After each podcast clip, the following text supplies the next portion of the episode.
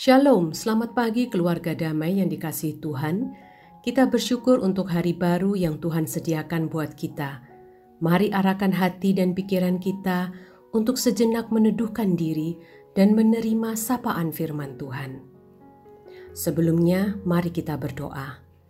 Bapa yang baik, jika pada hari ini Engkau memberi kesempatan kepada kami untuk membaca, mendengarkan dan merenungkan firman-Mu, kami mohon agar Engkau berkenan menerangi dan memberi pemahaman yang benar kepada kami akan apa yang harus kami mengerti dan lakukan dalam kehidupan kami.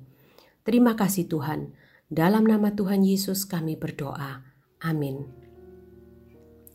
Bacaan kita pada hari ini terambil dari 1 Korintus pasal 11 ayat 2 sampai 16 dan tema samas kita pada hari ini adalah batu sandungan.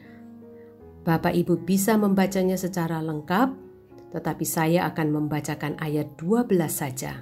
Demikian. Sebab sama seperti perempuan berasal dari laki-laki, demikian pula laki-laki dilahirkan oleh perempuan, dan segala sesuatu berasal dari Allah.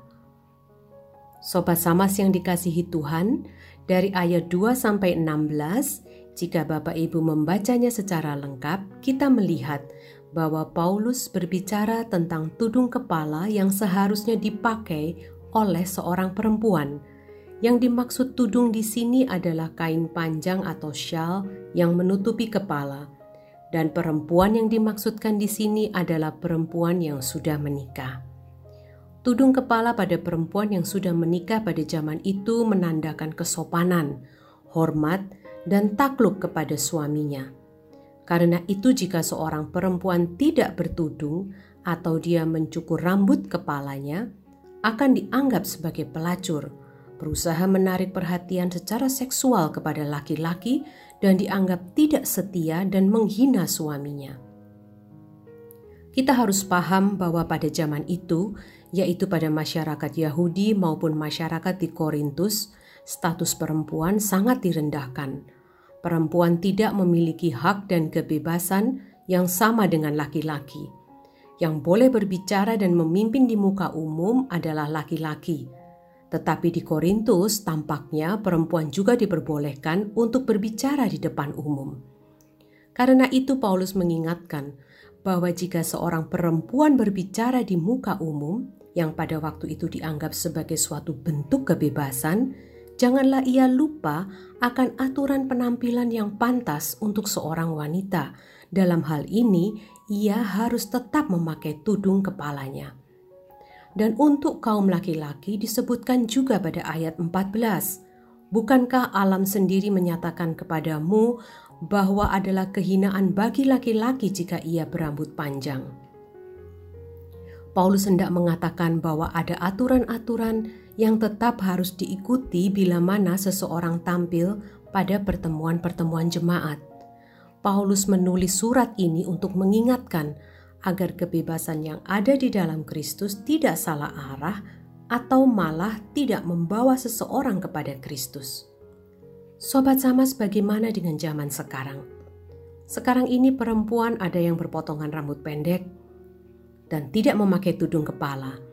Bahkan ada beberapa laki-laki yang memanjangkan rambutnya. Pada prinsipnya bukanlah pada tudung kepalanya, bukan pada rambut panjangnya, tetapi seperti yang tertulis pada ayat tadi, ayat 12.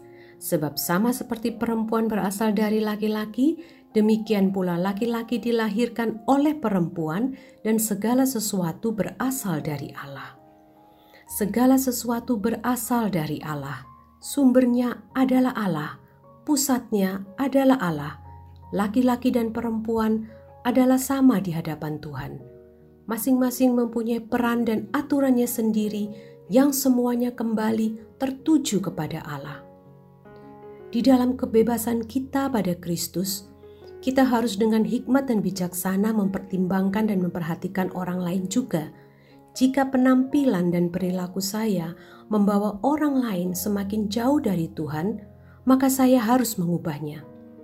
Hal ini bukan mengajar kita untuk berperilaku munafik atau berpura-pura, tetapi dasarnya adalah kasih, yaitu kasih Allah sendiri yang memikirkan dan mencari damai dan kesejahteraan bagi orang lain. Mari kita berusaha untuk tidak menjadi batu sandungan bagi orang lain. Batu sandungan adalah sebuah kiasan untuk sebuah perilaku atau tingkah laku yang membuat orang lain menjadi berdosa.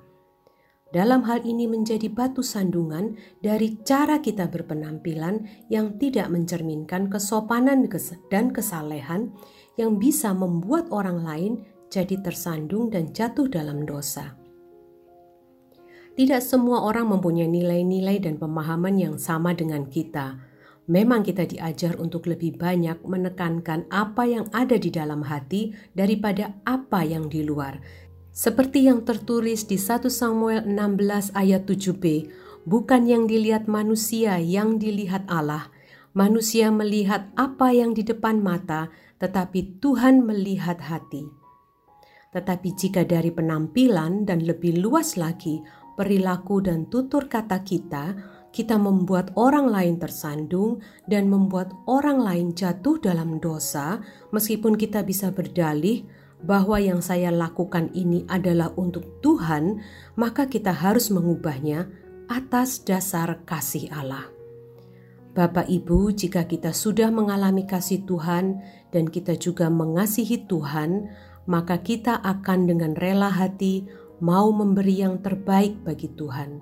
Apa pun itu, mulai dengan mengubah hati kita, pikiran kita, perilaku dan tutur kata kita, bahkan penampilan kita sekalipun, semua untuk membawa berkat bagi sesama dan memberi kemuliaan bagi nama Tuhan.